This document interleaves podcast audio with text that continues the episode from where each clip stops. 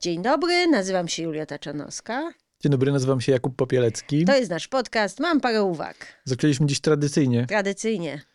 ale to może Po pasuje, polsku. bo po polsku, tak, bo czy to jest pierwszy odcinek, w Tak, którym mówimy o polskim filmie? dokładnie tak jest. O, I śmiesznie, żeśmy akurat wybrali film KOS, czy film KOS wybrał nas. E, może coś jest w tym, że zaczynamy od Tadeusza Kościuszki. przede wszystkim chciałabym powiedzieć, zaznaczyć tu, że Tadeusz Kościuszko jest fantastyczną postacią i że jeżeli mamy być dumni z jakiegoś Polaka, to właśnie jest to Tadeusz Kościuszko. Takich Polaków nam trzeba w naszej rzeczywistości i w naszej historii. Ja jestem wielką, wielką fanką Tadeusza Kościuszki. Ja chciałem powiedzieć, że lubię panoramę racławicką. Brawo. Jesteś fanem panoramy Nie Racławickiej? wiem, czy fanem, to może za duże słowo, ale także ja, okej, ja rozumiem, że to jest taki nurt polskiego malarstwa bardzo koński, Mhm. tak go można nazwać. No. końsko-patriotyczny, ale w swojej kategorii absolutnie się broni. Co prawda tam jest taki problem, jak się pojedzie do Wrocławia i już będzie w tejże panoramie. Nie wiem, czemu o tym teraz mówię, ale już ciekawostka na początek. Najwyżej Fun się wytnie. fact. Tam są takie elementy, które udają, że są faktycznie, że, No są, tak. żeby imersja była, tak? Jakieś koło tak. leży od wozu, Tak, jakieś tak, tak, drzewo czy coś. Nie można podejść też tak blisko do tej Ale panoramy. paradoks jest taki, że to, to drzewo i to koło, czy cokolwiek to tam jest, to właśnie wybija cię z iluzji. Jakiś piasek jakiś coś Piasek, tam. Tak, tak. tak, tak. Że niby to się dzieje naprawdę i że ty sobie chodzisz, ale... No, przez to, że tam leży koło, to właśnie widzisz, aha, to jest koło, a tu się zaczyna obraz. Mhm. A jakby nie było koła, to może wtedy jeździlibyśmy jak kościuszka na koniu. Na koniu. Dobra, kino historyczne. Chyba twój ulubiony Tak. gatunek? Znaczy, Czy historia, ja lubię twój ulubiony temat? Tak, może historia jest moim ulubionym tematem. Historia jest moim hobby. O, tak mogę to powiedzieć. E, I kino historyczne bardzo lubię. Nie wstydzę się tego i mogę o tym rozmawiać na okrągło. Trochę o tym rozmawialiśmy przy okazji Napoleona, Tak. ale czy, czy wydaje ci się, że jest jakiś złoty środek, jakiś magiczny klucz do opowiadania o historii na ekranie? No, żeby było ciekawie. To jest magiczny. Chrzanić fakty, ma być ciekawie. Tak, już rozmawialiśmy, co prawda, ale jakby moje zdanie się nie zmienia. No, ja lubię, jak jest prawda historyczna. Mhm. Im bardziej coś jest bliższe historii, tym mi się bardziej podoba. Ja, moje serce śpiewa. Ale z drugiej strony to filmy historyczne, filmy fabularne to nie są filmy dokumentalne. Ale z trzeciej strony czasami prawdziwa historia jest dużo ciekawsza niż to, co sobie niektórzy pisarze czy mm, reżyserzy, w sensie scenarzyści mogą wymyśleć. Plus, jeżeli ktoś chce sobie stworzyć jakąś fan, fantastyczną wersję historii, polecam e, iść drogą e, George'a R. R. Martina i stworzyć sobie swoją historyczną, alternatywną rzeczywistość, która też jest fantastyczna. Więc y, niekoniecznie trzeba się bawić z, z faktami. A mówiąc to, chcę zaznaczyć, że z drugiej strony, jeżeli oglądam świetną historię, która gdzieś tam oddaje ducha historii, to tym lepiej dla historii. Mhm. Moim ulubionym przykładem jest Braveheart, który jest filmem nie leżącym koło historii w żadnym, w żadnym jakby, w żadnej kategorii. Tam nawet początkowa data jest nie, nieprawdziwa, w sensie data otwierająca, pokazują datę, która niby ma ustalić rok i to jest nie ten rok, który powinien być, więc myślisz sobie, no halo, panowie, a z drugiej strony ogląda się to świetnie i ludzie się zainteresowali jakby nie, walką o niepodległość Szkocji i w ogóle tym okresem i to też jest fajne, no. To jest trochę tak, że to jest kostium też po prostu. Nie to tak no. jak Meryl Streep mówiąca po polsku w wyborze Zofii, że chwalili ją, w, ale głównie, e, głównie na zachodzie, że o, Mhm. super się nauczyła polskiego, bo jak my to oglądamy, No to, nie, no to, to tak brzmi po czesku bardziej niż No. po polsku. No tak, no dokładnie. Ale no. dla, widza, dla widza, który nie zna szczegółów, to brzmi wiary- wiarygodnie, wystarczająco wiarygodnie. I często tak jest z kinem historycznym, że to jest po prostu kostium. A, a, a w kinie polskim, skoro mówimy o kinie polskim, to ta tradycja dość daleko sięga, bo to mamy i, i, i Wajdę, i Hoffmana, No tak. i współczesne takie czytanki patriotyczne. I teraz trochę idziemy w stronę kina kreacyjnego. Mamy Mhm. takie filmy jak Magnezja, na przykład Macieja Bochniaka, które się nie udały, ale wydaje mi się, że Magnezja jest dobrym punktem odniesienia dla Kosa w takim sensie, że to jest też próba opowiedzenia o Polsce, to nie jest kino historyczne, okej, Mhm. ale kino kostiumowe. Tak. Opowiedzenie o polskiej historii, czy jakiejś takiej polskiej przeszłości, nawet jeśli trochę wyimaginowanej, poprzez formę kina gatunkowego Mhm. jednak, czy takiej zabawy formą, czy po prostu użyjmy słowa Tarantino e, po raz pierwszy w tym odcinku. Tak, nie po raz ostatni. Jeszcze do niego wrócimy. No tylko, że tam się, to się nie udało. Tu się udało e, trochę lepiej. No Piłsudski z Borysem Szycem też był taki film, który też próbował o Piłsudskim opowiedzieć w konwencji westernu. Też nie no bardzo. też nie, nie bardzo, ale tam chyba były inne problemy. Po prostu e, scenariusz był e, dużo gorszy. zwykle, to zwykle jest Tak. problem główny. Tak, i, i ja na przykład bardzo nie lubię tych takich właśnie czytankowych filmów, które teraz powstają, gdzie właśnie ci bohaterowie historyczni są jak, jacyś ukazani jako jak, jacyś po prostu bogowie, herosowie, jakoś wspaniali mężczyźni zwykle, bo let's face it, nie ma tam za dużo kobiet. Mhm. To jest nudne i to nie jest ciekawe i to ma być niby inspirujące. Hej, zobaczmy, ja- jacy młodzi, e, wspaniali mężczyźni walczyli o nasz e, wspaniały kraj. To wszystko jest nudne i, i nikogo to nie interesuje. No, No i w tym momencie wjeżdża Tadeusz Kościuszko. Zresztą wjeżdża na koniu no w wjeżdża na pierwszej koniu. scenie. Też E, w- w, jak w westernie, prawda? Oczywiście, ale co ciekawe, w filmie, z którego raczej się historii nie nauczymy. Nie, no to też chcę zaznaczyć, że ja nie jestem jakąś ekspertką od tego okresu. To nie jest mój okres, jak ci powiedziałam jeszcze przed podcastem. Mhm. Coś tam przeczytałam przed podcastem o, tym, o tej insurekcji kościuszkowskiej, żeby y, sobie coś przypomnieć. No to, to jest taki okres, gdzie rzeczywiście było po drugim rozbiorze i, i chodziło o to, żeby przegonić ro, Rosjan z Polski i Kościuszko, prawda, przygotowywał to z całą masą innych ludzi zresztą też. I to szło lepiej, raz lepiej, raz gorzej. To, to jest mniej więcej jakby To jest kontekst. kontekst, prawda? I to chyba nie o to chodzi, żeby z, kosa się dowiedzieć coś więcej o historii. Quentin Tarantino powiedział kiedyś coś Mhm. takiego. To chyba było wtedy, kiedy on był jurorem na festiwalu w Cannes. Po raz drugi. Tarantino po raz Tak. drugi, faktycznie. Ciekawe, bo to, to Dobra. tak nie przewidywałem, że Będziemy to liczyć? powiem. No dobra, no mów, mów. Jeden Tarantino, dwa Tarantino. Tak, jak idę spać, to zamiast baranów Liczysz Tarantino. Tarantiny. Mm, Wtedy w konkursie kanańskim był pokazywany film Jane Campion Najjaśniejsza z gwiazd, który między innymi opowiada o Johnny Kittsie, poecie. Tak, tak. I Quentin Tarantino powiedział coś takiego, że najlepsze filmy o artystach to są takie, które sprawiają, że, że in, zaczynasz interesować się tym artystą. I po obejrzeniu takiego filmu biegniesz kupić tomik poezji Mhm. Johna Kittsa w tym wypadku. tak. I wydaje mi się, że Kos trochę się wpisuje w taki Mhm. sposób myślenia. W takim sensie, że to nie jest film, który ci robi wykład z tego, kim był Kościuszko, tylko pokazuje ci Kościuszkę w, jakimś tam, w jakiejś tam historii, jako jakąś tam postać, ale postać absolutnie ciekawą. I to jest taki Tak. film, po którym wydaje mi się, że chce się sprawdzić, przypomnieć sobie albo dowiedzieć się, kim ten Kościuszko był. Tak. I może to jest, to jest najlepszy przepis na kino historyczne, tak, albo przynajmniej moim zdaniem dobry tak. przepis na kino historyczne. No moim zdaniem tak, że zaczynasz się interesować epoką, Mhm. za, zaczynasz się interesować... No, moje zainteresowanie historią właśnie stąd się wzięło, że o, obejrzałam parę filmów kostiumowych czy historycznych i, i nagle sobie pomyślałam, o kurde, to jest ciekawe, co, o co to chodzi, dlaczego to, to i tak dalej. Zaczęłam czytać, potem się okazało, że historia jest jeszcze bardziej fascynująca e, często niż dane filmy, albo po prostu jest większy kontekst, albo coś tam i tak człowiek odkrywa świat trochę No, na przykład moja, moja przygoda z historią to jest historia tragiczna i smutna, bo jak byłem dzieckiem, historia wydawała mi się bardzo ciekawa, bo historia była pełna facetów naparzających się mieczami. Bo, Więc to, myślałem, bo wow! jest, no bo jest, bo to jest prawda, no. Niestety potem w szkole jakoś ten aspekt fajnych facetów naparzających się fajnie mieczami zostaje zepchnięty na, na, na, No na na dalsze daty, tło, niestety. daty i jakieś nu, nudziarstwa i słupki i coś tam. Dlatego potrzebujemy Tak. takich filmów jak Kos. Przecież historia składa się z ludzi, no przecież to byli ludzie robiący różne rzeczy i mieli, ci ludzie mieli różne motywacje, różne potrzeby, różne pragnienia, różne smutki, różne problemy i, i dlatego jest to fascynujące, no tak jak nasza rzeczywistość. No wydaje mi się, że Paweł Maślona miał takie dwa fundamentalne pomysły na, Mhm. na film o Kościuszce. W sensie to są takie dwa koncepty zderzone ze sobą. Mhm. Jeden to jest to, o czym trochę już powiedzieliśmy, czyli historia poprzez gatunek opowiedziana, czyli Tak. western, czyli Tarantino, zaraz po raz trzeci chyba. A? Zaraz będziemy rozwijać wątek Tarantino. A druga rzecz to jest wpisanie się trochę w taki nurt, który zaczął się gdzieś tam e, w środowiskach uniwersyteckich, ale już powoli przeniknął do popkultury, również do Mhm. polskiego kina. I mówię o takim nurcie, który czasem jest protekcjonalnie, albo przewrotnie, albo żartobliwie nazywany taką współczesną chłopomanią. Mhm.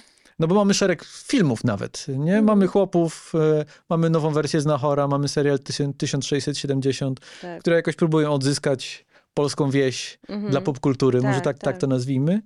I to, jest, to są tendencje, które wzięły się z takich książek, e, z reportaży czy książek naukowych, typu Fantomowe Ciało Króla Janasowy, Tak. czy Ludowa Historia Polski Adama Leszczyńskiego, czy teraz ten, Mhm. ta seria książek Chłopki, Ziemianki, itp. itd. Mhm. I to jest jakiś taki ferment po prostu, Tak. jakiś taki sposób e, przemyślenia naszej historii, dekonstrukcji tych Mhm. takich za- zostałych narracji, że każdy sobie myśli, że pochodzi ze szlachty, podczas gdy większość z nas pewnie pochodzi z chłopstwa. Chociaż to zależy kto, wiadomo.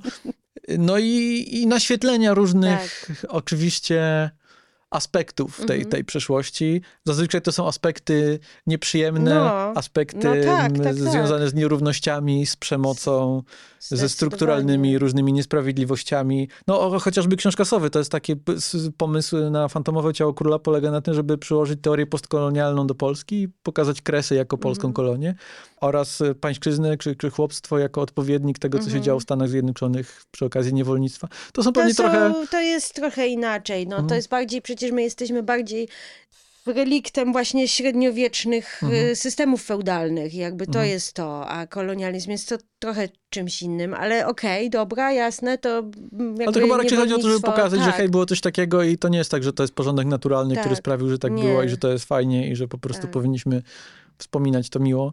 E, Że dobrze też być świadomym, że to się wiąże z różnymi... Nie, oczywiście, no jakby chłop pańszczyźniany no, miał straszne warunki, szczególnie w Polsce i no, w Rosji jeszcze gorzej chyba, ale to był czysty wyzysk po prostu, no. No zresztą to jest taka naczelna metafora tego Mhm. filmu. W sensie ten, to, to, to połączenie, które, tak to spojrzenie, które zyskuje Kościuszko dzięki temu, że przyjechał ze Stanów i ma ze Mhm. sobą towarzysza czarnego, byłego niewolnika, Tak, jeśli dobrze tak. rozumiem, Domingo.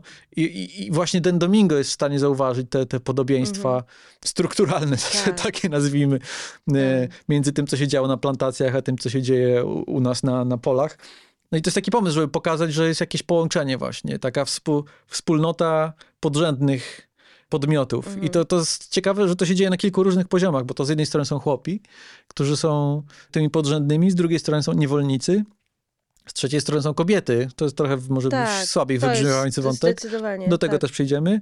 No i ostatecznie Polacy, którzy też są oczywiście gnieceni, zwłaszcza w tym okresie historycznym. Polska, No, kraj w rozsypce. się, zaczyna się gniecenie. To był ten początek, prawda? Pol, polskiej walki o niepodległość, można to, to tak ująć. No. Nie wiem od, do czego się odnieść, bo, bo za, za, trzy, mam trzy, od, trzy równoległe myśli, które mi biegną w głowie. Jedną z nich jest Tarantino, po raz czwarty. Jedną z nich jest Tarantino. Jeszcze tak sobie myślę, bo mówię o tej wspólnocie podrzędności i ym, oczywiście to jest drugi film Pawła Maślony. Pierwszym Mhm. był Atak Paniki. Tak sobie myślę, jakby tak... Z... Paweł Maślona, autor kina polskiego. Jakie są, jakie są łączniki, jakie są powracające wątki? Na pierwszy rzut oka niewiele, poza tym, że Mhm. dzieje się to w Polsce. Ale tak sobie myślę, że Atak Paniki w pewnym sensie jest filmem o wspólnocie. O takiej wspólnocie w kurwu, wy, wybaczcie Mhm. Brzydkie brzydkie, słowo. słowo. Trochę o tym to jest film, że jakby wszyscy jesteśmy razem, ale każdy jest osobno. I, znaczy, ka, inaczej, na odwrót. Każdy jest osobno, ale wszyscy jesteśmy razem w tym, że jesteśmy jakoś sfrustrowani, Wściekli, tak. wściekli. Ten atak paniki właśnie, Mhm. który jest naczelną metaforą filmu, że po prostu coś nas kipi i w, w którymś momencie chce wybuchnąć. E, i, i, na tym polega paradoks tej wspólnoty, o której opowiada Maślona, że zarazem to wszystko nas łączy, ale równocześnie Każdy buduje mury między, tak, między nami wszystkimi. I trochę to też jest w kosie przecież. to Tak, też jest nie, film no. o tym, jak najbardziej, co? No, no, no tak, no właśnie jest ten podział klasowy jest zdecydowany. Mhm. To też mi się podoba to, że Kościuszko nie jest głównym bohaterem, bo Mhm. o, owszem, on jest jakby wkracza w swój film na koniu i jakby jest w pierwszej scenie i tak dalej, ale potem właściwie pałeczkę przejmuje postać grana przez Bartosza Bielenie, która jest chłopskiego pochodzenia Mhm. i to właściwie za nim podążamy. Mhm. Raz, że jesteśmy bardziej zanurzeni w tym świecie tej Polski, prawda? Bo jednak Kościuszko jest z zewnątrz. On co Mhm. prawda jest Polakiem, ale przyjeżdża ze Stanów i tak dalej.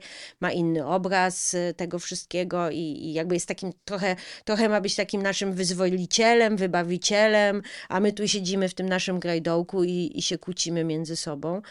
Ten zabieg mi się To podobał. jest taki bohater, za którym łatwiej podążyć, Tak. bo to jest taki everyman w pewnym Everyman, sensie, no, ówczesny everyman, Ówczesny tak? everyman, prawda? I, ten, I ta jeszcze cała sytuacja, prawda, z tym jego pochodzeniem, w sensie, że jest, tutaj jest ojciec, który, że on jest bękartem, że, Mhm. prawda, ojciec, matka chłopka, że on pracuje, że ten ojciec ewidentnie go kocha, ma jakieś wyrzuty sumienia, no ale tu jest zły panicz, który przyjeżdża, prawda, z Warszawy i, i tak dalej. I, i my ma- automatycznie mu, zaczynamy mu kibicować, bo on jest naszym underdogiem, prawda, jest Mhm. i, i chcemy, żeby ta, tej sprawiedliwości społecznej Mhm. się, się stało zadość. No to jest też taka po prostu uniwersalna Tak. motywacja. Czy z jednej strony uniwersalna, ale też klasycznie polska motywacja o awansie społecznym. I o Mhm. No. tym, tak jak wcześniej mówiłem, że wszyscy sobie wyobrażamy, że pochodzimy ze szlachty, to on też sobie wyobraża, Tak. że pochodzi ze szlachty w pewnym Tak, sensie. Czy ma tak. jakby bardzo silne przesłanki, żeby myśleć. No, Ma ojca przecież ze szlachty, No więc w pewnym tak, sensie tak. pochodzi ze szlachty. Ale jakby walka o to, o jakby o udokumentowanie tego swojego Tak. szlachectwa, a z drugiej strony to jest po prostu walka o własną wolność, o, po- o podmi- wolność, o podmiotowość. godność, prawda, tak, o samostanowienie. Więc w takim sensie scenariuszowym też to jest bardzo sprytne. To jest bardzo dobrze. Zawsze o, tak. o tym mówię, ale klasyczne zasady Davida Momenta, trzy, Mhm. trzy punkty, które muszą zaistnieć, żeby, żeby fabuła działała, w sensie, żeby Mhm. bohater działał i to jest to, że musimy wiedzieć, czego chce, czemu chce tego teraz i co jest w stanie zrobić, żeby to osiągnąć. I Tak. to jest proste, on chce po prostu, ma No. ten papier, to jest McGuffin tego filmu, Tak. ten testament.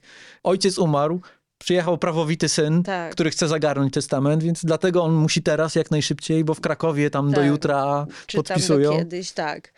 Tak, No i więc co jest stykający a co jest gotów, zegar, żeby to tak, zrobić? No, jak wszystko, widzimy, wiele jest gotów tak, zrobić. Tak, no i właśnie, i podążamy za nim w tą drogę przez przygodę i to jest super wejście w ten film, bo to rzeczywiście jest bardzo gatunkowe i bardzo em, no, rozrywkowe, no fajnie się na to patrzy, no Mhm. i te drogi, i kościuszki i, Boże, nie Ignac. pamiętam, Ignac, Ignaca się krzyżują e, i bardzo mi się podoba jakby ten buddy comedy, która się tu tworzy, prawda, czyli Mhm. Ignac i Domingo, e, dwóch właśnie uciśnionych mężczyzn. Ta scena z tym, z tym jak te plecy porównują Mhm. swoje, prawda, bi- biczowane i że Mhm. też tu się toczy ta walka o duszę e, Ignaca, prawda, czy Ignac przystąpi do insurekcji, Przy, przynajmniej tak mi się wydawało, że to idzie w tą stronę. Tym bardziej, że on nosi tę te, kosę, tak? To- Tak, tą, tą kosę i tak dalej. Więc czekamy, aż zostanie założona na tak, sztorc.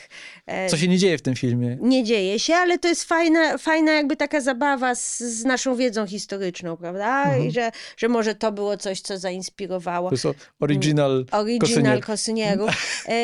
E, nie do końca, ponieważ to zawsze... Ja nie jakby- mówię historycznie, tak, mówię jakby w tym, w tym filmie, nie? Jako Tak. pewna taka fantazja. To to jest Tak. prekosynier. No prekosynier, no Kosynierzy tak, ale, Begins. tak, ale to właśnie Prequel. ja byłam bardzo, bardzo mi się to podobało jakby do momentu, kiedy oni trafiają na obiad. I tam moim zdaniem troszeczkę przez to, że znaczy fajnie jest zbudowane to napięcie, bardzo fajnie, bo pa Paweł Maślona świetnie potrafi jakby budować sceny tak, że niby się nic nie dzieje, a my mamy takie oczekiwanie, że zaraz coś wybuchnie, no ala właśnie Tarantino, Mhm. gdzie czekamy na To ten już piąty wybuch. raz, czy szósty? Wszystko, przestajemy liczyć. Okej, Oficjalnie Od- przestajemy tak, liczyć. od tego momentu. Masz to napięcie i, i, i czekasz, aż wybuchnie ta przemoc. I ta przemoc w pewnym sensie jest kataktyczna, ale też nie do końca, prawda? Na przykład ta scena w w Karczmie. karczmie jest po prostu świetnym przykładem, ale albo chociażby i ta scena tej kolacji, która jest strasznie długa.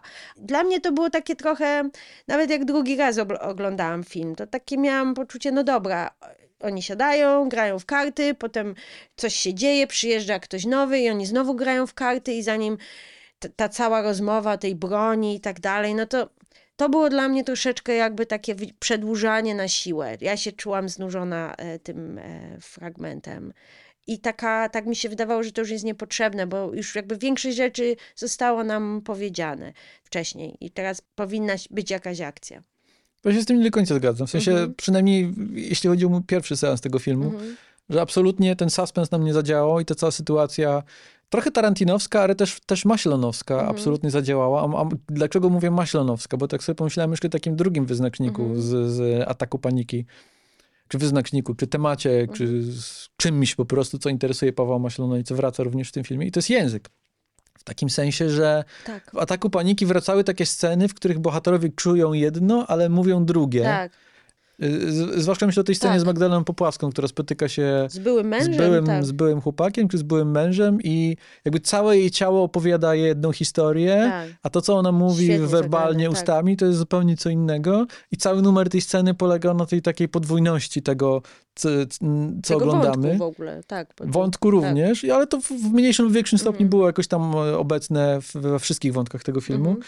No i tutaj ta, ta suspensowa scena obiadu, kolacji, Tak. gry w karty itp. itd. również jest zbudowana na takiej podwójności, że my wiemy jaka jest sytuacja tak naprawdę, natomiast bohaterowie muszą robić dobrą minę do złej gry, udawać przed, przed Duninem, rosyjskim oficerem, że... Przed wspólnym wrogiem, prawda? wspólnym Tak. wrogiem. E, No i jeszcze ten język też w, w, w temacie językowych barier fajnie pracuje. Mhm. Kiedy Domingo i Ignac e, przez chwilę grają w innym filmie, kiedy to jest Tak. ucieczka w kajdanach, ich wspólna. Tak. To, się, to jest, jest, jest ciekawe. Jest kilka miejsc takich, takich w tym filmie, że wydaje się, że ta historia pójdzie w inną stronę Mhm. i że to będzie inny film. Natomiast Tak. ten, ten wątek ucieczki w kaj- kajdanach w zasadzie trwa jedną scenę, po czym się kończy. To jest nawet dość, to jest dość niezręcznie zainscenizowane, w takim sensie, że Kościuszko tak jakby siada na koń i wyrusza ich poszukiwać, po czym oni nagle wychodzą z lasu. No bo oni wiedzą, w którym... No, oni wiedzą, bo, gdzie idą, bo jest, tak. to, to, nie pamiętam tak. jak się nazywa teraz ten Szym- dworek. Szymborkowice, Szymborkowice, tak. Tak, tak. E, Ale to jakby ten absurd tej sytuacji moim zdaniem jest za mało wygrany, Mhm. bo ten Kościuszko się jakoś tak nieszczególnie dziwi, że oni nagle idą. Chociaż on wyruszył na ich poszukiwanie. Moim zdaniem tutaj zabrakło takiego akordu, akcentu, Mhm. który by wygrał to, że Kościuszko sam się dziwi, że, Że oni już są. że, ma mi, że wyrusza na jakąś misję, a ta misja się sama zrobiła, Mhm. tak jakby. I jest kilka takich momentów w tym filmie, w Mhm. których moim zdaniem brakuje takiego do, Dobicia. do, do, dobicia, do domknięcia pewnego momentu. Tak samo jest w scenie zastrzelenia Dunina. Teraz przewijam zupełnie na Przewijasz, koniec tak. filmu, ale brakuje mi, bo jakby cała ta scena suspensowa e, kolacji z tymi wszystkimi Mhm. zawieszonymi strzelbami Krzechowa. Mm, e, haha. Przecież e, chodzi o to, że my wiemy, a on, no, nie wiemy, czy on wie, czy on nie wie. Tak, to, to było też moje takie rozczarowanie, bo tak przez cały czas sobie myślałam, że może on wie, może on nie wie, może on, on się skapnie w pewnym momencie i że to będzie właśnie taka, taka fajna zabawa też z nami wi- widzami. A, a tutaj w, nagle mamy potwierdzenie, że on się orientuje. bo Właśnie dla mnie to jest wciąż niejasne, czy on się orientuje, czy on nie orientuje. A No ale nawet nie, jeśli on się... wyciąga kartkę z, Wyciąga portretem, kartkę, tak, prawda? ale ten portret wciąż nie jest aż tak podobny do No nie, Braciaka. no wiadomo, że nie jest podobny, no bo to chodzi o to. Chociaż moim zdaniem Barciak bardzo dobry casting. Nie, Barciak jest w ogóle super w tej roli. Dobra, ale to też ale to potem. Jest to, nie, ale mi ten- chodzi ale o to, że w sensie on się fiz, prawda... fiz, fizycznie też wygląda. Dunin się prawdopodobnie orientuje, ale my jako widzowie nie mamy takiego potwierdzenia, więc jeszcze przez chwilę działa suspens, po czym jakby momentalnie braciak wywala wszystkie karty na stół, wyciąga pistolet i zastrzela du- strzela do Strzela, Dunina. tam go- I moim zdaniem brakuje tego momentu, w którym Dunin wie, kto go zastrzelił. Mhm. Jakby takiej satysfakcji dla widza, że oto jest czarny charakter Mhm, i główny bohater pokazuje tak. nam, ale też jemu, że ma nad nim przewagę i Tak. teraz go zabije. I tego nie ma. To się dzieje szybko. Można powiedzieć, okej, ale to jest Mhm. realistyczny. Ale no, to No jest tak, film, a nie realistyczny. To jest, więc to jest film y, też to jest jakieś mnie, oczekiwanie, tak, które nie zostaje ci, spełnione. Tak jakby. Tak, mówię ci, no gdyby to było tak, że on się okazuje, że on wie, że to jest kościuszko już tam, nie wiem, w połowie kolacji na przykład. I, a, a, w momencie, bo ja cały czas do tego wracam, w momencie, Mhm. kiedy my widzimy ten moment, w którym on się orientuje, to też sobie myślisz, okej, dobra, to może nie jest naj, Mhm. najmądrzejszy z ludzi, może ja go przeceniałam i moja inwestycja w tą postać jest, była za, za wielka, no. Tu się z tobą zgadzam, bo gdyby to było wiadomo, że on już na przykład wie od połowy filmu, kim on jest, to też by to lepiej działało. To, nie, to, to mówisz. ja mówię o czym innym. Ja, Ja, rozumiem, o czym ty mówisz, ja ci mówię tylko, Mówię... Mhm. że gdyby ta scena z tym, jak on się orientuje, czy na przykład my, widzowie, by- byśmy już wiedzieli, że on wie i tylko na przykład czeka na coś tam, Nie, ja, to, ja się nawet z tym nie zgadzam, bo moim zdaniem to, kiedy on wyciąga ten swój papierek i patrzy na niego, to już wystarczy widzowi sama sugestia tego, że on prawdopodobnie wie, ale nie Mhm. wiemy na pewno. I nawet lepiej, że nie wiemy na pewno, bo przez to jesteśmy tak naprawdę bardziej zainwestowani w to, Mhm. być może. nie wiem. Mi brakuje po prostu momentu, w którym On wie, że to jest na pewno... on wie, że to jest na, na pewno, pewno Kościuszko i że Kościuszko go zabija i że został zabity przez Kościuszkę. Mhm. No Okej. ale cóż, nie można mieć wszystkiego. Nie można mieć wszystkiego. Znaczy, w ogóle to jest ciekawa scena bardzo. Tutaj zrzędziłam, że ona jest za długa, ale ona jest za długa na środku, na to, w środku, natomiast pod koniec ona jest bardzo fajnie rozwiązana, jak przyjeżdża ten Ignac w tym ko, kontuszu e, i widać, że ci się kłócą, bracia e, kłócą się i ten Rosjanin, w sensie Więckiewicz, tak, no haha, zobaczcie Polacy. Znaczy, teraz wiem, dlaczego nigdy nie, jest, nie będziecie w stanie jakby się ogarnąć, bo się skłócicie zamiast się skoncentrować. To jest w głowie nas, widzów zostaje, zamiast się skoncentrować na wspólnym wrogu, kłócicie się między sobą o jakieś głupie właśnie testamenta, czy prawa, czy jakieś takie dziwne rzeczy. Ale z, z drugiej strony też takie ciekawe, bo słuchałam takiego podcastu angielskiego o właśnie Rzeczpospolitej obojga narodów. I był pan Anglik, historyk, który opowiadał tam o tym, jakby miał jakąś tam rozmowę i była rzeczywiście jeszcze jedna polska historyczka przy tym, też to było po angielsku. I to było bardzo ciekawe, bo ponieważ ym, my zupełnie inaczej patrzymy na historię Polski, bo tak jak jesteśmy uczeni w szkołach, Rzeczpospolita obojga, obojga narodów to była jedna wielka porażka. I że właściwie wstrętni Polacy sami sobie zgotowali ten los i że nie byli w stanie sobie nic naprawić i tylko y, każdy rozdzierał dla siebie i że wolność szlachecka to nie było nic fajnego w gruncie rzeczy i tak dalej, i tak dalej. I to jest nasza narracja, jakby nasza polska wewnętrzna, że sami jesteśmy sobie winni. Natomiast to nie jest nasza narracja, to jest narracja rosyjska. Bo mówił ten pan historyk, tłumaczył, że to działało i że to było bardzo postępowe. Na przykład nawet liberum veto. Że w liberum veto też chodziło o coś innego niż jest to na przykład przedstawione w e, serialu 1670, że jedna osoba może wszystko popsuć. Tak, potem to było gdzieś tam tak używane, ale chodziło o to, żeby każdy interes był zabezpieczony i ktoś mówił liberum veto i potem była cała długa dyskusja, jak zrobić, żeby przekonać tego kogoś do, do zmieniania zdania i były negocjacje różne toczone. I że na przykład Unia Europejska i sp- wspólnota europejska tak zachowuje suwerenność krajów i jakby, że to jest jakby taka na Dziedzictwo. przykład dziedzictwo e, Rzeczpospolitej. No i że rzeczywiście to się e, zaczęło psuć, jak e, zaczęli, zaczęły się e, obce mocarstwa w to mieszać i przekupywać i tak dalej. I to też nie wszystkich tr- trzeba było, to też trwało ileś tam wieków, żeby to po prostu popsuć. Więc to jest bardzo ciekawe, bo ja nigdy nie patrzyłam się na, nie, nie myślałam o, o Rzeczpospolitej Mhm. obojga narodów w ten sposób. I myślę sobie, że może jesteśmy trochę niesprawiedliwi. To jest też ciekawe bardzo w kontekście Mhm. tego, w jaki sposób ta rosyjska krytyka Polski Mhm. pracuje w tym Tak. filmie, bo to przyjeżdża Dunin i właśnie Właśnie takie fundamentalne, tak. fundamentalną krytykę Polski Tak. wygłasza, która też do, czę- częściowo jest sprawiedliwa, wydaje mi się. I jest, ale, Ale przewrotnie Mhm. właśnie ona jest wygłaszana językiem właśnie, y, czy językiem po prostu przez osobę Tak. pochodzącą z Rosji. tak z tym, że właśnie na przykład to była naprawdę to, propaganda Mhm. rosyjska, bo e, i Konstytucja 3 maja, i Sejm czteroletni, prawda, to był jakby sposób Polaków do naprawienia swojego systemu i naprawienia e, swojego państwa i wzięcia się w garść i tak dalej. Coś, co Dunin i inni Rosjanie w tamtych czasach uważali, że Polska nie jest zdolna do tego, bo Polska to jest banda jakichś warchołów, którzy Mhm. e, się kłócą między sobą. I tak, i nie. E, I chociażby to, że Kościuszko e, był, takim, był taką osobą i on też nie był odosobniony w tym sensie, że było więcej e, e, innych działaczy polskich, którzy też byli patriotami i też chcieli, żeby Polska była e, silnym i niezależnym krajem, tylko po prostu już ekonomicznie e, też Polska nie dawała, w sensie Rzeczpospolita, tak mówię Polska, to przecież jeszcze było Wielkie Księstwo i, i tak dalej. No. Więc wracając do filmu, e, to jest bardzo ciekawe jakby się patrzeć na tą Mhm. diagnozę jakby, która jest stawiana w tym filmie o polskości. Tak, jesteśmy sobie w stanie pomyśleć, że można tak uważać i że ludzie tak uważali, Mhm. ale tak jak mówię, no to trzeba pamiętać, że to nie jest cała prawda o, o Polakach. Chociaż taki jest też pomysł na postać Kościuszki, że on trochę przyjeżdża tutaj zrobić porządek Tak. i cały czas się odbija od, Od- kolejnych ścian po prostu. No, Mówi, tak teraz ja było. tu wam zrobię rewolucję, a potem po prostu a, siedzi przy stole przez pół filmu. No tak. To jest no. trochę metafora tej, No- całego tego zapału właśnie. Tak, no ta scena z tymi szla, z tą szlachtą w stodole. No po Z prostu to jest, pistoletami, Tak, tak. z, to jest po prostu cudowne i oni Mhm. tam właśnie wykrzykują święta panienka nam pomoże i tak dalej, czyli na takie... I, I to też jest ciekawe, jakby, jeżeli też hi historycznie do tego podejdziemy, jak już po zaborach budowała się ta tożsamość narodowa i jak też można powiedzieć, dlaczego nasze filmy historyczne, powiedzmy Wajdy, Hoffmana, e, wyglądały w ten sposób. Dlaczego zawsze jest taka ta sama narracja u nas, to znaczy Polak walczy, walczy, walczy i mu nie wychodzi, ale ofiara z krwi na ołtarzu ojczyzny i tak dalej, i tak dalej. To było coś, co jakby funkcjonowało, żeby podtrzymać tą tożsamość narodową. I na tym się budował nasz współczesny mit i tożsamość.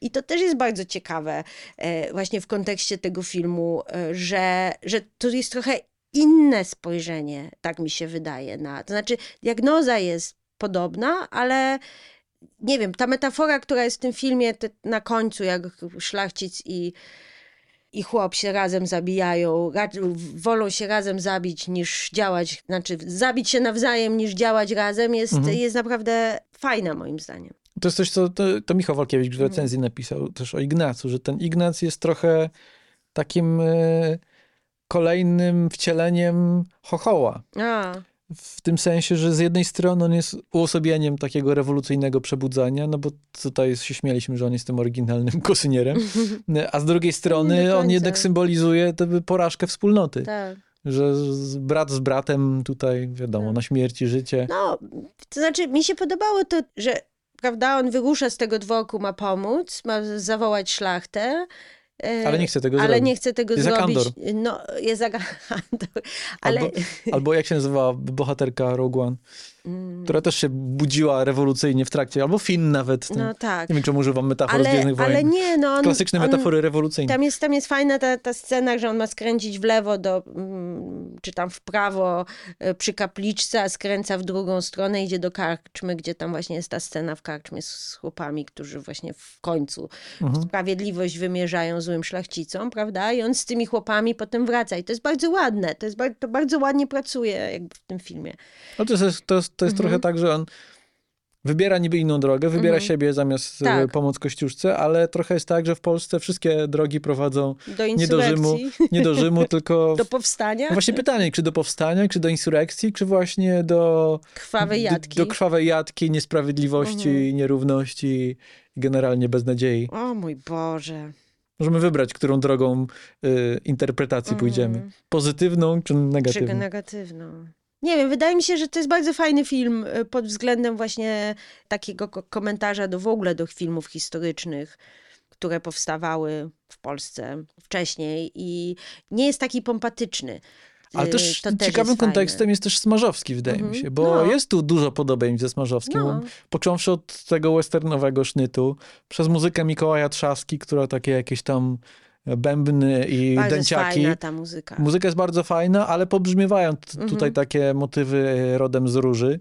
No, e, rodem, Tylko tak. różny jest, nawet to zakończenie, które jest takie jednak gorzkie, nie ma mhm. kamery wznoszącej się w niebo, ale tak. jednak to, że oni stoją i patrzą się w tę przyszłość, która nie wygląda jednak za kolorowo, mhm. to też jest taki smażowski finał, tak. ale mimo wszystko jakby wrażenie, ton całości mhm. jest dużo bardziej nie chcę powiedzieć optymistyczny, mhm. cieplejszy, taki witalny bardziej. Mhm. Bo u Smarzowskiego jest tak, że po prostu nic tylko się pochlastać na koniec. Bierzesz wódę, siekierę i, i cześć. Wypisujesz się z tego mhm. świata i z tego kraju przede wszystkim. Mhm. No, znaczy, okej, okay, ten pesymizm jest oczywiście zrodzony z, z takiego poczucia, takiego idealistycznego załamania rąk nad tym, jak źle jest, ale chcemy, żeby było dobrze, ale Smarzowski mówi, że jednak nie będzie dobrze. A tu jest mhm. takie poczucie, że może jednak jakoś, nie wiem, także... Że coś się uda na tych zgliszczach zbudować tego domu, który spłonął. Może to nawet, teraz sobie myślę, że może gadam głupoty, ale to po prostu chodzi o, to, o doświadczenie tego filmu, że po prostu Smarzowski cię depcze, a Maślona to się jednak depcze. inaczej się ogląda tak, ten film niż film tak, Smarzowskiego. Tak, tak, Nie, no bo jednak wszyscy Rosjanie w końcu zostają pokonani, prawda? Co prawda właśnie wszystko zostaje zrujnowane, ale mhm. nasi wygrywają. No, więc może, może to jest też jakaś taka interpretacja. No może to też po prostu te, sam styl działa inaczej. Że to jest film, który po prostu daje ci trochę frajdy. Film, który daje ci trochę akcji, daje ci trochę humoru, daje ci trochę komedii. I tu też ten, to słowo na T jest, wydaje mi się, mm. wydaje mi się kluczowe. Nazwisko na T. Naz- chodzi. nazwisko na te, tak. Bo dużo się już pojawia takich głosów, że nie, że to w ogóle nie jest Tarantino, że to tylko potrafimy porównywać do, do jednego i tak dalej. Ale wydaje mi się, że to jest nie fair i wobec twórców tego filmu, Mhm. i wobec widzów tego filmu, bo wydaje mi się, że twórcy absolutnie świadomie tutaj grają z tropami tarantinowskimi, a mówienie widzom, że nie, to, to nie ma nic wspólnego z Tarantino, też jest jakby rodzajem oszukiwania widza. Jakby no trudno nie obejrzeć Kosa i nie pomyśleć sobie Tarantino. No tak, ale to nie jest nic To złego. nie jest oczywiście no, woda, no tym bardziej, jest... że to jest dość wysoko postawiona poprzeczka i tak. filmowi Maślony się z grubsza udaje, no Tak. nie dojeżdża na poziom Bękartów Wojny, ale co dojeżdża na poziom Bękartów Wojny? No, ale też inne filmy, które próbowały udawać Tarantino, też, też się rozjechały. Mi się wydaje, że to jest jakby wzięte z Tarantino to, co fajne i przełożone na polski grunt, co też jest fajne. No Bo- do tego o tej magnezji mówiłem wcześniej, Tak. gdzie magnezja, tam są takie właśnie postmodernistyczne zabawy stylem i takie też ewidentnie tarantinizmy, ale to wszystko się rozmywa i rozpada, bo tam masz samą formę, a Mhm. scenariusz kuleje, jakby absolutnie nie podąża za tą historią, za tymi bohaterami, to się jakoś rozlewa. Mhm. A tutaj, mimo różnych zarzutów, które już się trochę pojawiły i pewnie jeszcze się trochę pojawią, Mhm. to to jest bardzo solidna historia. Co ciekawe, Tak. napisana przez debiutanta. Tak. E, przepraszam bardzo, Michał Azieliński. Gratulujemy. I to jest też ta różnica, że to jednak jest historia, która ma ręce i nogi, która ma bohaterów. Mm, Tak, I ma i- nawet dwóch i- bohaterów rodem z y, filmów Tarantino. W jednym. W jednym. Nie. Tak, mówię o postaciach granych przez Krzysztofa Walca. Też, myślę, że to też może być trochę świadome. W takim sensie, że Kościuszko, czyli Kos jest takim doktorem Schulzem z Django, Mm. No tak. a, a, a Dunin jest trochę takim Hansem Landą z, z Bękartów Wojny. I co by było, gdyby się spotkali? Nie, mi się, mi się bardzo podobają, podobają te postacie, że, że one rzeczywiście są w sensie szczególnie Kościuszko, ale to jest być może zasługa też Braciaka, który po prostu jest, idealnie wyczuwa tą rolę, idealnie wyczuwa, co jest tu potrzebne i ten jego Mhm. taki spokój i taka determinacja i trochę zmęczenie. On tak jakby wie, czego chce, wie, wie- wie, co chce zrobić, wie, w jaki sposób to osiągnąć, ale wie też, że to nie będzie łatwe i wie, z czym, Z czym się będzie... z czym się będzie Tak. tutaj musiał y, wadzić po drodze. Plus, plus A jest może wy, naprawdę... panowie, wcale nie chcecie tych wojen Tak. wygrywać. Dokładnie, no. Plus ewidentnie jest twardym kolesiem, w tym sensie, że widać, że to jest ktoś, kto przeżył swoje, ma doświadczenie i, i to nie jest właśnie takie hop do przodu, e, haha, teraz robimy rewolucję, no. To jest fajne. Postać, postać Domingo też jest fajna. No, więc to jest męskie kino, bym tak powiedziała. Mhm. Męskie postacie są super. No właśnie, bo jest ten wątek kobiecy Tak. i tak jak powiedziałem, ewidentnie ta, ta metafora wspólnoty podrzędności Mhm. uwzględnia tutaj kobiety i ten wątek jakoś tam istnieje w tym filmie. No mamy samą postać Agnieszki Grochowskiej, pułkownikowej. Mhm. Chociaż to jest ciekawe, że te postacie, okej, postać Agnieszki Grochowskiej przedstawia się z, chyba z imienia i nazwiska, ale wciąż one funkcjonują jako pocztylionka i pułkownikowa. Tak, Kobiety od- tak. bez imienia trochę. Znaczy, Ale jest ta scena, w której ona mówi, o, życie kobiety to nie- nieustanny hazard. W kartach przynajmniej są jest zasady. bardzo dobry tekst, e, rzeczywiście. Jeszcze jest e, niepełnosprawna Mhm. siostra, e, prawda, jednego z no, chłopka, Mhm. która też jest napastowana seksualnie. Mhm. Zresztą każda z tych trzech kobiet jest napastowana seksualnie. Mhm. Zresztą nawet ta pocztylionka, nie wiadomo, czy ona została zgwałcona, czy nie została. Jest to, jest to zostawione jakoś, zostawiony ten temat. To akurat mi się nie podoba. Może zacznijmy od postaci pocztylionki, która moim zdaniem jest w ogóle nie, nie jest postacią, to znaczy nie jest dopracowana, nie, nie wiadomo o co jej chodzi, kim ona jest, oprócz tego, że jest ładną osobą, który, do której uśmiecha się Ignac. Czy ona jest ważna, bo wozi McGuffina w tej z powrotem. Wozi Potem jej zabierają McGuffina, ale równie dobrze można było się, i mogłoby jej nie być. Ja rozumiem, o co tu chodzi. Z tym, szczególnie z tymi na, e, napaściami seksualnymi, że kobiety w tamtych czasach, jak i w innych też czasach, Mhm. e, po prostu, szczególnie w, w czasie wojny, są narażone po prostu na, na, na tego typu agresję E, I, i tak jest, i tak wygląda świat i to jest przykre, ale nic, nic jakby nie jest z tym zrobione, oprócz tego, że to jest pokazane i to jest bardzo nieprzyjemne, nieprzyjemnie oglądać, przynajmniej mi, dla mnie tak było. Mhm. Wolałabym, żeby postać pocztylionki była jakoś rozbudowana, albo coś bylibyśmy o niej wiedzieli więcej, albo, albo po prostu, żeby jej nie było i wtedy też by było czyściej. Bo to są te takie małe rzeczy, które trochę brudzą ten Tak. film. Jakby to, ten trzon z Ignacem, z Mhm. Kościuszką, z Duninem, z Domingo jest jak najbardziej Tak. sprawny. ale te rzeczy dookoła trochę jakoś tak... y, no właśnie Pocztylonka, która się pojawia, wydaje się, że będzie postacią, która coś, coś zrobi, coś Tak. się z nim wydarzy. On nic się nie wydarza. Tak, no. Poza tym, że zabierają, zabierają jej McGuffina. Więc tak, a Pułkownikowa z kolei to jest postać, Mhm. prawda? Bardzo mi się podoba ten jakby romansowe inklinacje tutaj i że tu jest zasugerowana jakaś przeszłość i, i tak dalej. I to jest bardzo urocze, bo to też uczłowiecza Kościuszkę i, i prawda, ją i coś daje, jakąś przestrzeń, jakąś głębię, pokazuje ich relacje. Natomiast też mam wrażenie, że ona jest, no że to jest postać z klucza twarda babka. Tak, Prawda? poda nalewkę, ale w drugiej Tak. ręce trzyma strzelbę. Strzelbę i strzeli i walnie i coś tam, yy, prawda, i okej. Mogła być też również mężczyzną, bo niby czemu nie. Także akurat z tą postacią nie mam problemu w zasadzie. To znaczy ona jest, ona jest w miarę, w miarę, no jest okej, prawda, ale też no, no też jest jakby wycięta z, z, z, od szczancy, odbita, co w, z innymi postaciami absolutnie nie jest tak. Natomiast jak mówimy o problemach, yy, chyba że jeszcze chcesz wątek Nie, kobiecy pociągnąć, już. to myślę o rzeczach też takich Mhm. brudach po prostu. Tak. Yy, myślę o tych takich w zasadzie romantycznie kodowanych, Mhm. takich bardzo świteziankowych wizjach Ignaca O, tak, o, o, o, o śmierci jego matki, tak. które Zapomniałam już w ogóle o tym. Ja, ja też, ja, ja dopiero sobie przypomniałem, że one są w tym filmie, oby oglądając go drugi raz, bo to jest tak, jak oglądasz ten film po raz pierwszy, to sobie myślisz, okej, jest coś takiego, Mhm. coś z tym będzie. A potem jakby porwała mnie akcja i zapomniałem w ogóle, że to było.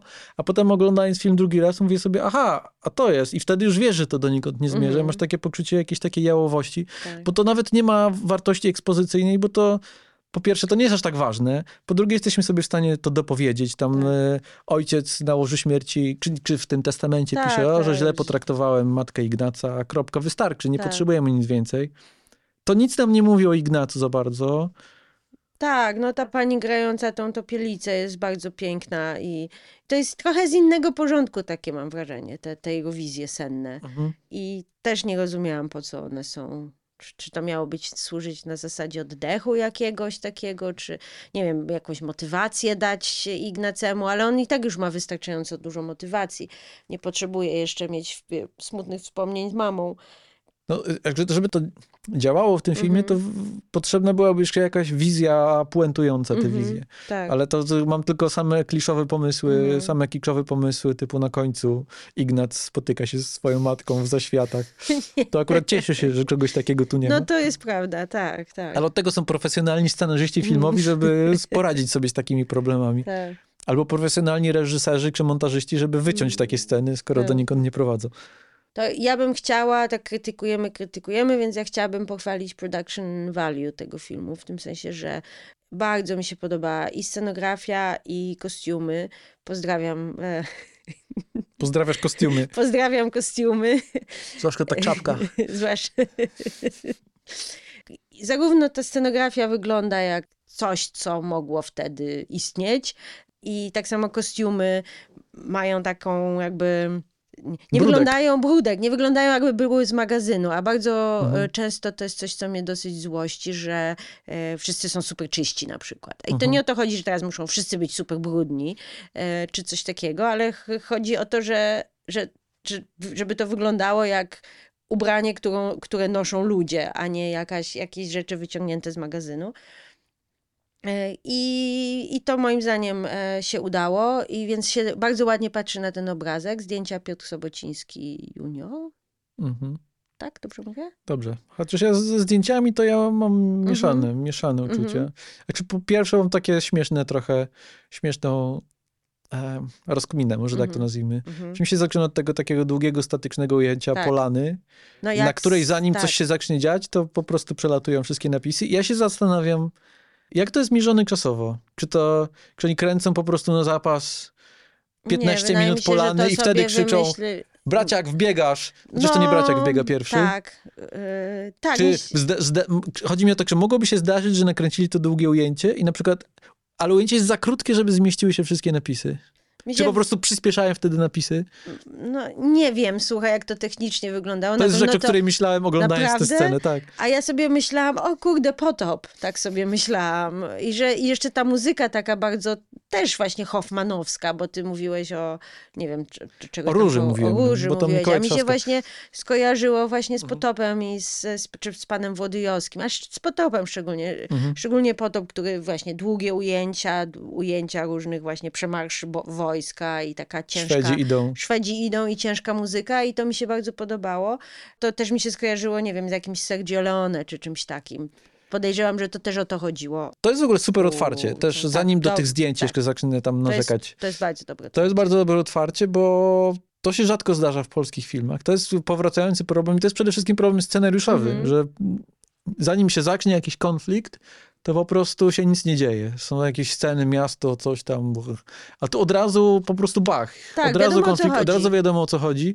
To jest tak, te wszystkie podręczniki y, scenariopisarstwa mówią Tak. ci, żeby przyjść na miejsce akcji spóźnionym i wyjść za wcześnie. Mhm. To to jest trochę tak, że wskakujemy, nie ma napisu Tadeusz Kościuszko przyjechał ze Stanów, albo nie ma sceny, w której Tadeusz Kościuszko mówi, a teraz jadę do Przyjecha- Polski tak. robić insurekcję. Tak, Po prostu tak. wjeżdża Kościuszko i wiesz o co chodzi. Nie, są jakieś napisy. Jest napis? Coś, a nie, napis. sorry, jest napis. Jest napis, ale to nie ma Ale to znaczenia, trwa kilka to sekund. Trwa kilka sekund Faktycznie jest właśnie. napis. Chodzi o to, czy, czy się akcja zaczyna. Tu Chodzi mi też o to, że poznajemy Kościuszkę przez działanie, Tak. przez decyzje, które podejmuje, przez to, Tak. co on robi w tej sytuacji, od której zaczyna się film, a nie, mówi, o, ja tutaj myślę, co by zrobić. Tak.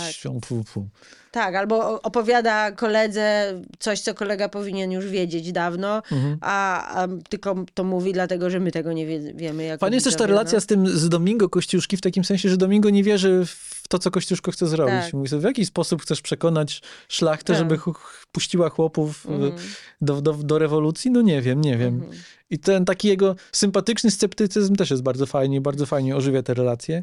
Tak, to jest ewidentnie taki comic relief trochę postać, e, mimo że też ma coś do powiedzenia, więc to też jest taka postać, która jakby ma swoją wagę, a nie jest tylko śmiesznym Mhm. jakimś tam drugoplanowym po- bohaterem, który ma rozweselać nas, ale trochę rozwesela. Ale teraz to, na, na co chciałem ponarzekać trochę, Mhm. bo tak sobie myślę, że ta scena w karczmie, ta intensywna scena Mhm. w karczmie, tak tam jest ciemno i nie wiadomo, co się dzieje. I ja rozumiem, że to trochę oddaje chaos sytuacji i krzątaninę i generalnie opresję, Mhm.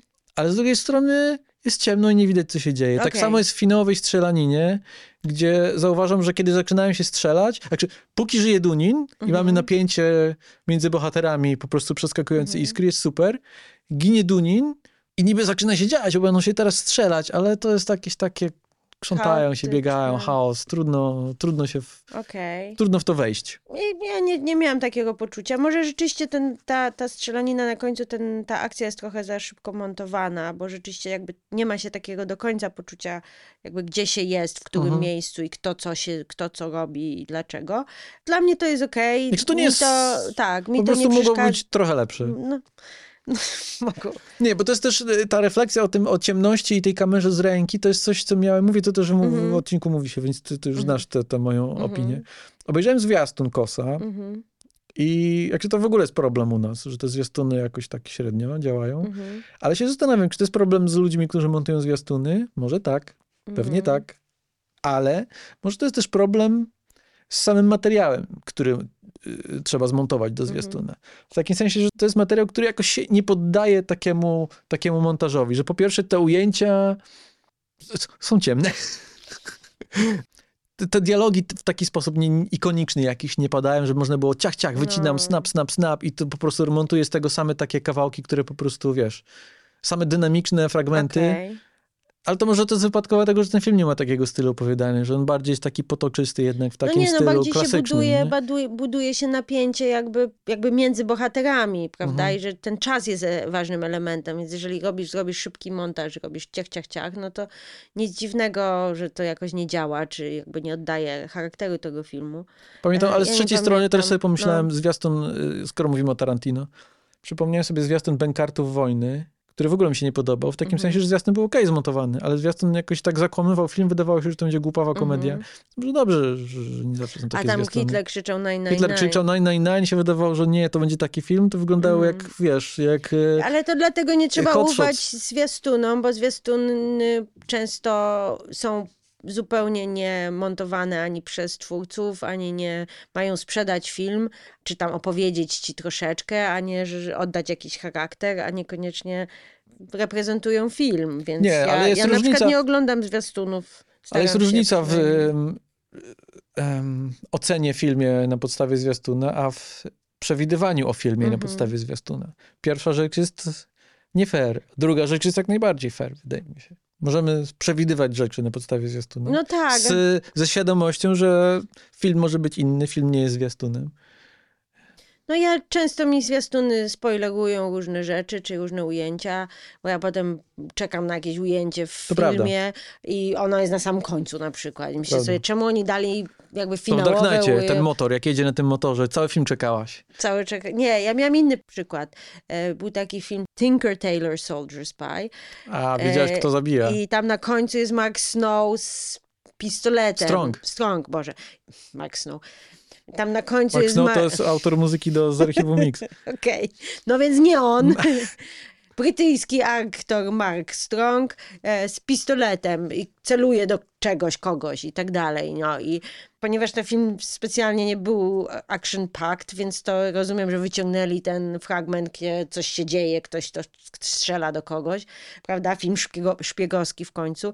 No i ja cały film czekałam na to, co to będzie i tak dalej. I ja już w połowie filmu się zorientowałam, że Mark Strong nie może być tym złym, czy coś tam, coś tam, jakiś tam, już nie pamiętam, bo już też średnio pamiętam ten film. Oprócz tego, że pamiętam, że Gary Oldman był bardzo dobry, ale to inna rzecz. Ja też pamiętam, kto zdradzał, ale nie spoilerujmy tego filmu w podcaście, który nie jest o tym tak, filmie. o tym filmie i tak, i polecamy ten film. No w Dobry każdym razie tak. jest to ujęcie i jest ono jakby na końcu i bardzo mnie to zezłościło, że, że po prostu dali to, to do zwiastuna, więc od tego czasu mam uraz i jak nie muszę oglądać zwiastuna, to nie oglądam. Także ja co do zasady się z temu zgadzam, mimo tego, co przed chwilą mówiłem o sądzeniu na podstawie Mhm. zwiastuna.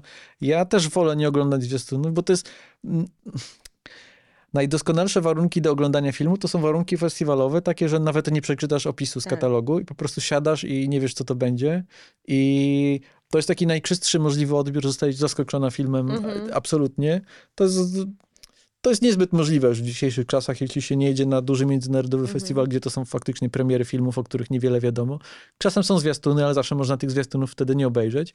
Chociaż ja na przykład oglądam zwiastuny blockbusterów, bo trochę na tym polega zabawa w blockbustery, jak dla mnie, że to oczekiwanie jest często No tak, frajdą samą w często, sobie. często te blockbustery właśnie są takimi filmami jak te zwiastuny, prawda? Mhm. Ale to jeszcze teraz myślę o tym festiwalowym odbiorze i też Mhm. sobie myślę o Kosie w tym kontekście. Bo Kosa e, oczywiście oglądaliśmy na festiwalu Tak. polskich filmów fabularnych w Gdyni. Tak było. I to jest ciekawy kontekst do oglądania polskich filmów. W takim sensie, że to jest kontekst, który czasem działa na korzyść, a czasem na niekorzyść. Mhm. E, I w związku z tym zakłamuje recepcję do pewnego stopnia. Tak. W takim sensie, że film choć odrobinę dobry, w Ju- kontekście gdyńskim błyszczy jak diament po prostu. Tak. Diament błyszczą, to już się śmiałem z ha, że tak. shine, like a, shine bright like a diamond. Tak. To w którymś z poprzednich odcinków podcastu. Tak. Znaczy, z drugiej strony fajnie jest cieszyć się polskimi filmami. I jest coś takiego, że Tak. lubimy oglądać polskie filmy i cieszymy się, jak są choć Fajne. trochę dobre, a jak są już naprawdę dobre, to już w ogóle fajnie. I myśmy mieli kiedyś przecież no, no, cudowne filmy. To, w sensie Ale co, teraz Szkoła te- Polska? Szkoła Myślisz- Polska, tak, no ale co, no jakby na serio, no jakby to Polska kino moralnego niepokoju, przecież nie, wiem, no świetny film za świetnym filmem. Nie, nie, bo teraz to brzmi jakby się, jakbym się z tobą kłócił. Nie, absolutnie. Szkoła Mm. Polska, Nie, no rewelacja. tak, no co film, to, to jakiś wspaniały film, no nawet te gorsze filmy, czy komedie, czy coś tam, no przecież polska kinematografia była wspaniała. Ja tylko chciałem dokończyć myśl, że Kos, z- kiedy obejrzałem go drugi raz, już poza festiwalem Mhm. w Gdyni, to wydał mi się trochę słabszy i stąd się biorą te różne moje tutaj Mhm. zarzuty, które, które przytaczam. Natomiast generalnie uważam wciąż, że to jest dobry film, a, a, na, a na ostatniej film. edycji festiwalu w Gdyni to, to, to, to już w ogóle był super dobry. Natomiast co do jakości polskiego kina, jeszcze mam taką refleksję, która y, czasem się we mnie budzi, jak ktoś mówi, a polskie kino, e, polskie kino. A, Mhm. Nie, a. polskie kino jest teraz bardzo dobre też, moim zdaniem. Nawet nie teraz, to od jakichś kilkunastu lat co najmniej. Wydaje mi się, No. że mamy taką średnią, średnią po prostu europejską kinematografię. Większość naszych sąsiadów i po prostu krajów europejskich ma kinematografię na zbliżonym poziomie. Różnica jest tylko w tym, że niektóre kinematografie mają kilka takich reżyserów, takich reżyserów kobył, którzy, Mhm. którzy się wybijają. E, Wiesz, ktoś, ktoś ma von Trier'a, ktoś ma Hanekego, ktoś ma tam Almodovara itp. No itd. tak. U nas raczej nie ma nazwisk tego kalibru, chociaż jest, jest kilkoro reżyserów czy reżyserek, które się gdzieś wybi wybiły na świecie i fajnie i liczymy, że będą się jeszcze bardziej wybijać. No, ale to jest takie wrażenie z środka. Gdybyśmy mieszkali we Włoszech Tak. i oglądali wszystkie włoskie filmy, Tak, tak, tak. zresztą tak, ja nie, wiem, czy nie byłoby się. gorzej. Myślę, że Włochy Tak. mogą mieć gorszą No, kinematografię. niż nawet my. Niemcy, kurde, przecież, no. No. M- Co, Francja i Anglia, powiedzmy, stoją jakimiś takimi, że...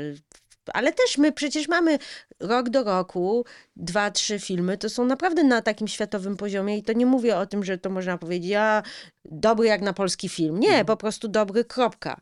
I moim zdaniem Kos jest jednym z, tych, z takich filmów, Jest. który absolutnie nie ma się czego wstydzić, można by pokazać go komuś na zewnątrz. On może nie, nie, nie jest w guście wszystkich, może, może rzeczywiście historia jest bardzo, bardziej jakby nasza, ale też mi się wydaje, że ten film jest na tyle dobrze opowiedziany, że ty wiesz, jakie są konflikty i że osoba ym, zagraniczna, nie znająca polskiej historii, jest w stanie złapać o co chodzi, kto i, i co się dzieje, prawda? Że jest to bardzo prosto wytłumaczone. Kilka rzeczy. Raz, że jest ta rama gatunku, która Tak. upraszcza, w sensie widzowi, Mhm. widzowi z zagranicy.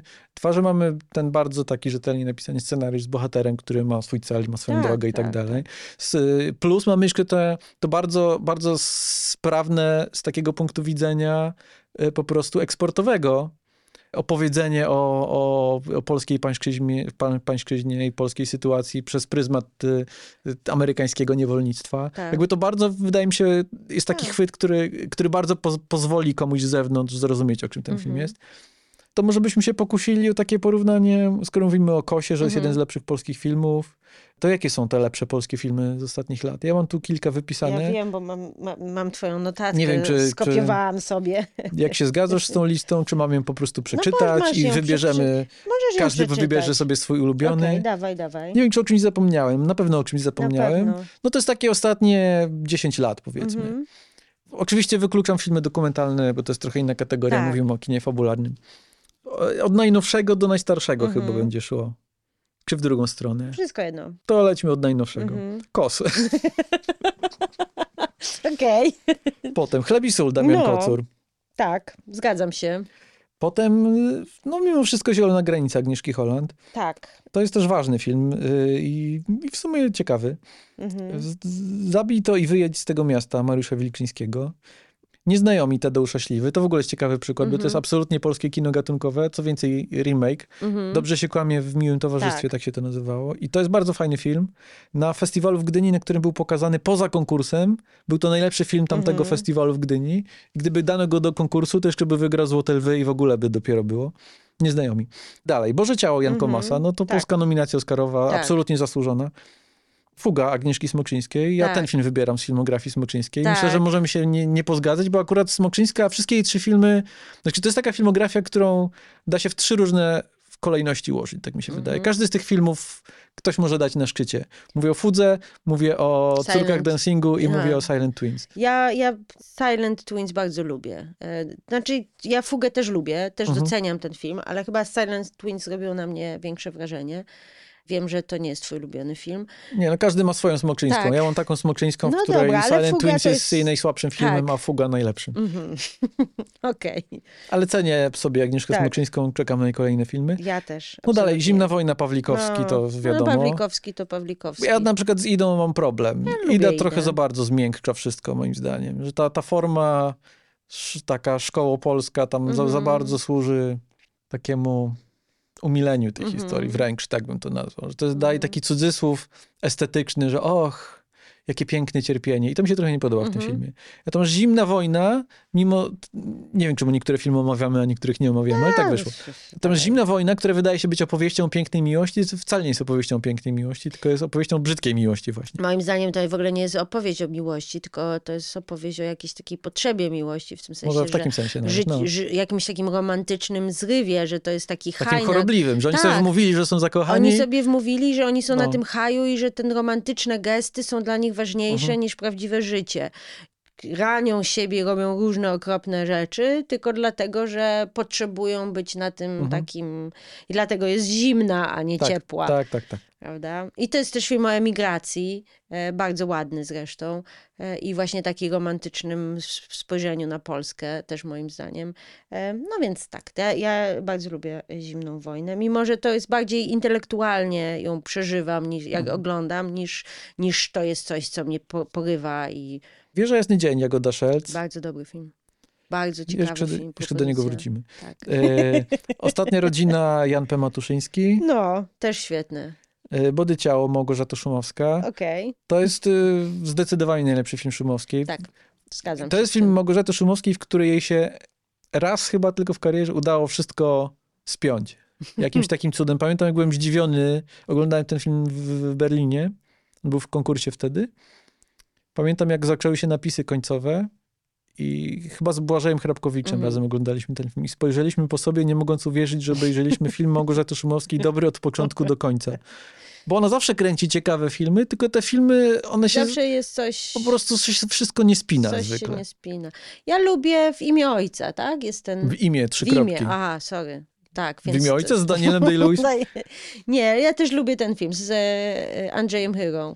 No ale on jest taki, właśnie ma takie on- dodane on jest- zakończenie, on jest szokujące. Dodanym, dokładnie. Pabam! On jest z dodanym do, zakończeniem i to jest rzeczywiście taki film, który się powinien wcześniej skończyć Mhm. e, i byłby dużo lepszy na przykład. A Body Ciało ma też taki dystans do, do... Szumowska ma dystans do samej siebie w tym Mhm. filmie. I Ostaszewska na przykład ma dystans do samej siebie bardzo taki No, zdrowy. Tam jest rewelacyjny Gajos i tam jest Mhm. rewelacyjna Justyna Suwała, bo jakby jest tak magnetyczna w tym filmie.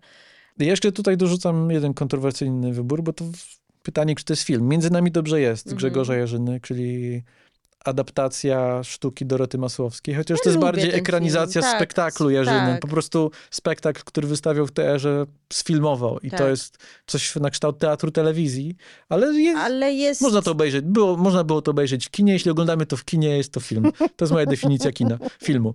E, więc uznaję to za, za polski film.